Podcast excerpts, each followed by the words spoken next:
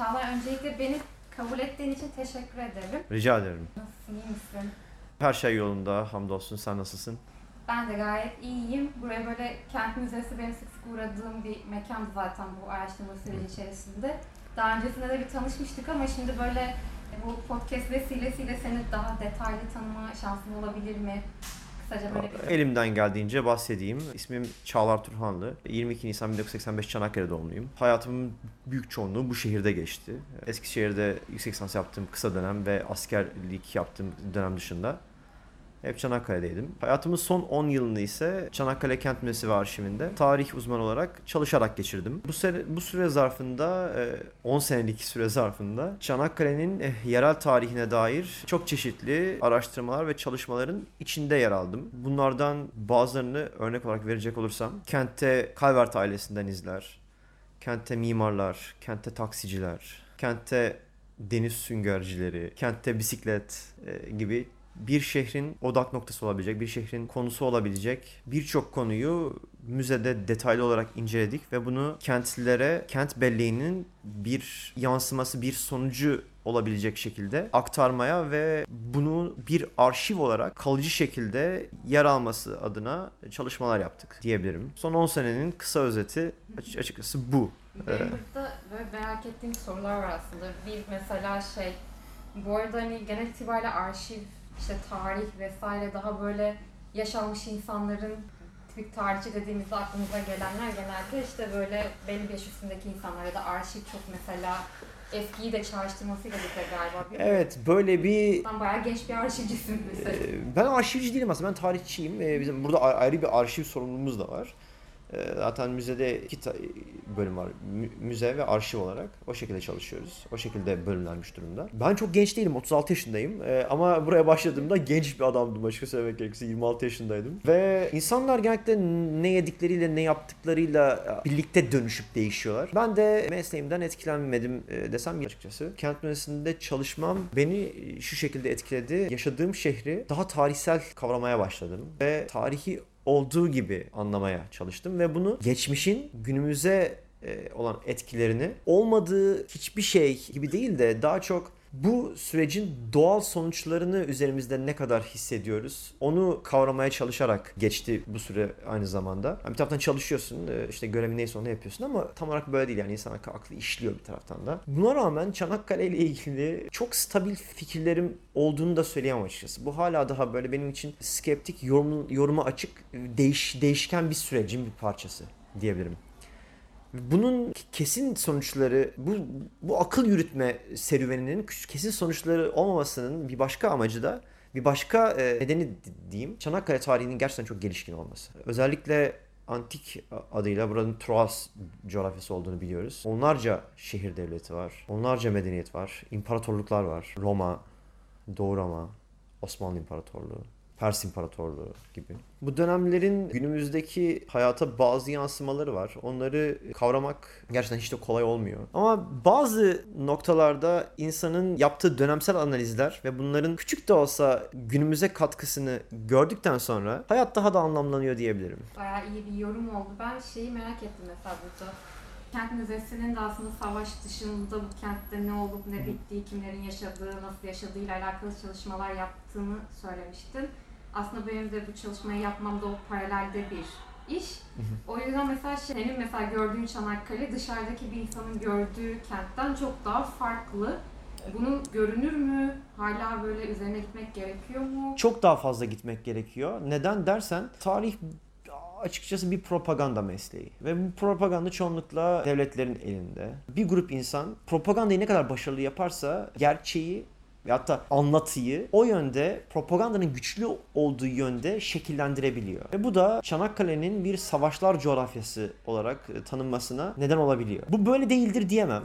Çanakkale çok büyük savaşların geçtiği bir yer. E, stratejik konumu sebebiyle. Ama yaşanmış o uzun yıllara bakınca bir de savaşların geçtiğine bakınca savaşlar çok daha kısa bir dönemi kapsıyor. Bunun dışında da pekala bir şeyler vardı. İşte o tarih boyunca geçmiş boyunca pek az yazılmış bir kısım. İş böyle olunca onun arkeolojisini yapmak, onun gerçek, onun hakikatini ortaya çıkartmak çok daha zor oluyor. Kent Müzesi, Çanakkale Kent Müzesi'nin ve bizlerin burada bunu bulmak yani sivil olanı çekip çıkartmak, kente dair ve kentin uçsuz bucaksız geçmişine dair anlatı dışında kalan ve hatta alternatif olarak kalan şeyin biraz daha bilinirliğini arttırmak olduğunu söyleyebilirim gönül rahatlığıyla. Şu an mesela işte müzede de eşyaları bağışlanmış ama şu an burada yaşamayan toplulukların, işte Rumların, Evet. yanlış söylüyorsam düzelt lütfen ama burası Rum mahallesinin bir parçası?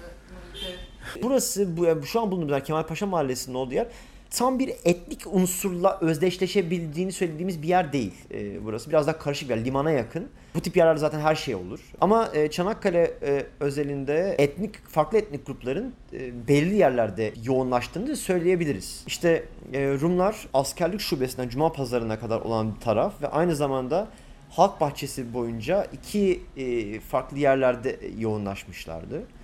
Bugün Ermeni Kilisesi e, var Çanakkale. Surp Kevork Ermeni Kilisesi'dir ismi. Ermenice Aziz George demek. O kilisenin etrafında da e, bir Ermeni popülasyonu olduğunu e, söyleyebiliriz. Zaten kilise onun başlı başına hala duran bir kanıtı. E, Hemen Havra dediğimiz o küçük, küçük bir sinagog vardır Çanakkale'de. Mekorhaim Sinagogu.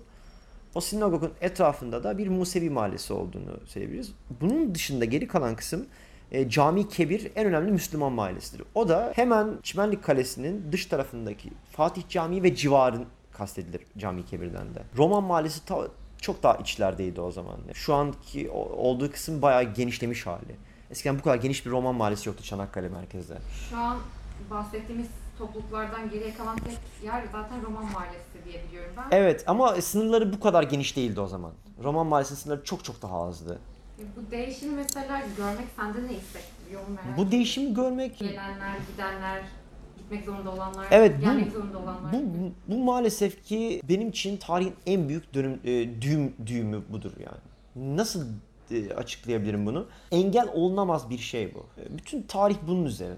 Birileri geliyor, birileri gidiyor. Yani bu çok da şu an belki çok basit ve e, lümpence açıklıyorum belki sana bunu ama genel olarak tarihin böyle bir tarafı, böyle bir yönü var. Benim ailem e, 1899 yılında e, baba tarafım Girit'ten buraya geliyor. Anne tarafım ise Balkan Savaşları sonunda e, Kosova ve e, Yanya'dan buraya gelmişler. Anne tarafından Arnavut'um ben. Çanakkale'de birçok böyle insan bulabilirsiniz. E, bakıyorum Türk Türklerin yani Müslümanların Girit'e gidişi Girit'in e, 17. yüzyılda fethiyle oluyor. 19. yüzyılın sonunda oradan ilk büyük kafile çıkıyor. 200 yıl durmuşlar gibi gel, geri gelmişler falan mesela. E, Çanakkale özel, özelinde de bir- birçok böyle şey bulabilirsin. Çanakkale'de bu olmuş. Nüfus artıyor zaten e, 1800'lerin ikinci yarısında. Hem savaşlarda kaybedilen topraklar e, sebebiyle bu Anadolu'ya doğru göç eden halklar hem de burada bir nüfus oluşuyor. Ve e, Birinci Dünya Savaşı ile birlikte e, milliyetçiliğin bütün dünyadaki etkisiyle Anadolu'da bir homojenleştirme politikası başlıyor. E, bu doğal bir sürecin olarak bir parçasıdır. Kimseyi suçluyor gibi konuşmayayım burada.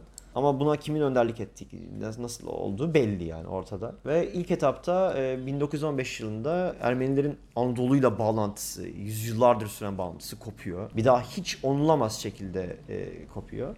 Aynı şey Çanakkale'de de oluyor. Doğu Anadolu ve Güneydoğu'da olan katliamları burada görmüyoruz belki ama e, 1915 Nisan'ında e, Ermeni toplumunun Çanakkale ile bağı kesiliyor. Allah'tan kilise hala duruyor bir şey olmadı. Rumlar hem merkezde hem çeşitli yerlerde yaşıyorlar Çanakkale'de. E, Bugün İntepe diye bilinen Erenköy mesela çok büyük bir Rum köyü. Onun gibi başka bir sürü yer var bunun gibi. Örnekler çeşitlendirilebilir. 1924'ün başında da nüfus mübadelesiyle e, Rum Ortodoks sakinleri Anadolu'nun Yunanistan'a gidiyorlar. Ve Yunanistan'dan buraya Müslümanlar geliyor. Yani nüfus değiş tokuşu yapılıyor bir şekilde. Bu Anadolu'nun Hristiyansızlaştırılması olarak adlandırılabilir. Milli devletler çerçevesinde çizilen sınırda e, bütün Anadolu'da aşağı yukarı böyle bir gitgel var. Hristiyanlar gidiyor, bir kısmı öldürülüyor gidiyor, bir kısmı kaçıyor gidiyor. Orada e, öldürülen veya kaçmak zorunda Müslümanlar da buraya geliyor. Yani böyle bir ulus devlet altına sığınma şey var. Hangi kim aidiyeti nereye hissediyorsa oraya gidiyor. Aidiyet konusunda ikircikli olanlar da mesela e, belli ba- ba- bazı etiketleri yüzünden gitmek zorunda kalıyorlar. Mesela bunların en iyi örnek Türkçe konuşan Rum Ortodokslardır. Karamanlar diye bildiğimiz gruptur. Burada Hristiyan olduğu için gitmek durumunda kalıyor. Oraya gidiyor. Türkosporos demiş Yunan mesela yani Türk tohumu demek yani. Burada da tam Ya burada da burada da bambaşka bir mevzu. Burada burada duramıyor zaten. Yani mesela e, belli bir labelin, belli bir etiketin varsa sana bir görev biçilmiş oluyor. Oraya gidiyorsun yani. İşte benim dedemin Girit'ten buraya gelmesi gibi. Bunun bu değiş tokuşun, bu değişimin e, En bariz yaşa- yaşandığı yerlerden bir tanesi de Çanakkale. Ya 1924 yılında Hristiyanlar buradan gidiyor. Hristiyanların okulları vesaire burada kalıyor. E, onlar değiştiriliyorlar. E, yeni rejimle birlikte e, millileştiriliyorlar. Aynı şey tabii Osmanlı'nın kaybettiği topraklarda da e, oranın milli devletleri tarafından yapılmıştır. Ama e, yakın tarihimiz gayrimüslimlerden Yahudiler burada kalıyorlar uzun yıllar. Sonrasında İsrail'in kurulması ve peşi sıra olaylar ile birlikte e, yavaş yavaş onlar da buradan gidiyorlar. Bugün pek ö- çok övünülen Türkiye'nin %99'u e, Müslümandır ifadesi böylece bir çeşit gerçeğe dönüşmüş oluyor. Ben burada şeyi merak ettim. Bir e, kitaplarda vesaire aynı zamanda mesela Tatar. Hı hı, Tatarlar var burada evet. Ee, E? Evet ki Osmanlı-Rus Savaşı'ndan sonra e, Tatarlar buraya geliyorlar. E, Tatarların burada aslında bir e, ciddi bir yerleşim yeri var. Bizim Küçük Köprü dediğimiz e, yeri geçince e, Kayseri Ahmet Paşa Camii vardır sol tarafta. O caminin e, bir e, diğer adı da Tatarlar Camii'dir. 19. yüzyılın sonunda bu 93 Harbi dediğimiz 1877-78 olması lazım Osmanlı-Rus Savaşı'nda kaybedilen yerler sonucunda tat- bir grup Tatar Anadolu'ya göçüyor. Ee, onlardan bir kısmı Çanakkale'ye geliyorlar. Sarıçay'ın diğer tarafındaki ilk yerleşim, ilk e, yerleşimi onlar oluşturuyor. Yani Barbaros Mahallesi'nin tarihi Tatarlarla başlıyor diyebiliriz. Bulunduğumuz bina da aslında kent içerisinde bayağı tarihi bir şey var. Evet, buranın e, tarihi bir e, durumu var. E, iki katlı bir bina olarak yapılıyor ilk etapta. Bir konut olarak yapılıyor. E, bir Rum bir vatandaşa ait. E, daha sonrasında e, bir dönem sonrasında sat, satılıyor. Başka bir kişiye geçiyor. E, Cumhuriyet döneminde üçüncü kat çıkıyor. Çok kısa bir dönem askerlik şubesi olarak hizmet vermiş.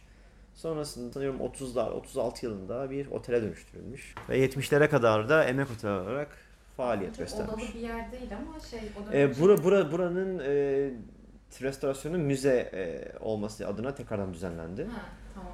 Ondan dolayı aşağı kat, ikinci kattaki müze salonumuz odaların olduğu bir bölümmüş. Ben yeni başladığım zamanlar ya da bir iki yıllık burada çalıştığım zamanlarda bir ziyaretçimiz gelip ben 66'da şurada bir oda vardı orada kalmıştım dediğini hatırlıyorum. Tamam. Demek ki bazılarının belleğinde hala varmış ama Var, var, ben var. canlandıramadım yani şey. Bir yerde okumuştum şey otel olduğunu ama dümdüz ya şu an hani bütün odalar birbirine. Oda, onlar odalardı işte. İşte tamam. O salon odalardı. Şey peki e, böyle bir yerden de toparlarken hani bu şeyi konuştuk, toplulukları konuştuk, bir kolektif belleği konuştuk ve kişisel belleğin hani senin burada doğdun, büyüdüğün ama aynı zamanda mesela göçmen bir aile hani onlar Ben hiç göçmen gibi hissetmedim açıkçası. Çünkü Evet, ben üçüncü, ku- üçüncü kuşağım. Her zaman hiç göçmenlik istemiyorum. Bir Türklük bilinci hep oldu. O da, ama o aidiyeti de nasıl sat, açıklayayım sana?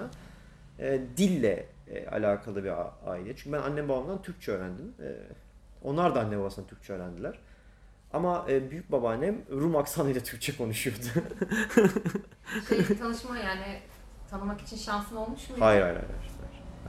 De bilmiyorum merak ettim denk Yok yok yok yok. 1970'lerde vefat etmiş kendisi. Ha, ben tamam. 85 doğumluyum. Çocukluğunun Çanakkale'si nasıldı diye bir böyle. Çocukluğumun Çanakkale'si çok küçük bir yerdi. Ee, gelişmiş olmaktan çok uzaktı. Bugün de aslında Çanakkale'de mesela sanayi adına hiçbir şey yok. Öncesinde daha bile fazla fabrikalaşma varmış.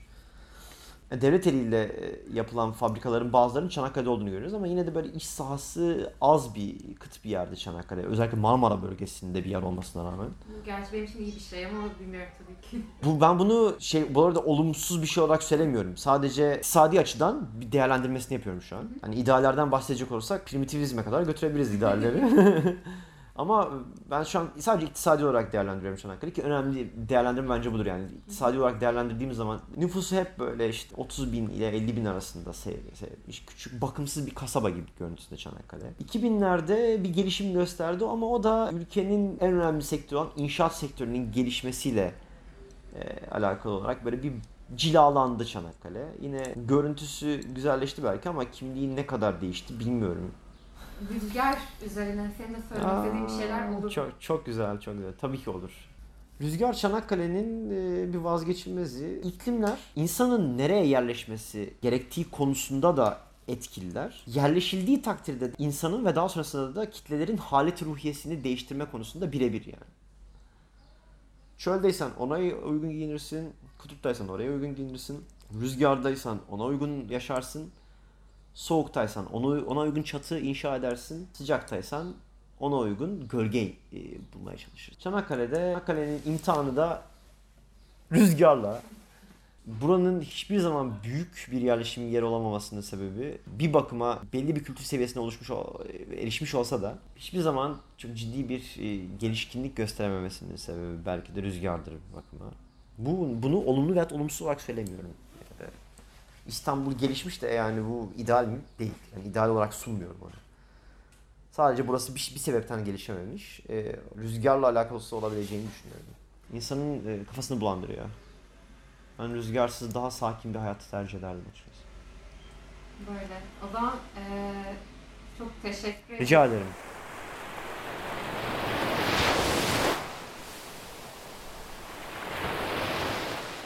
Fugamundi sundu.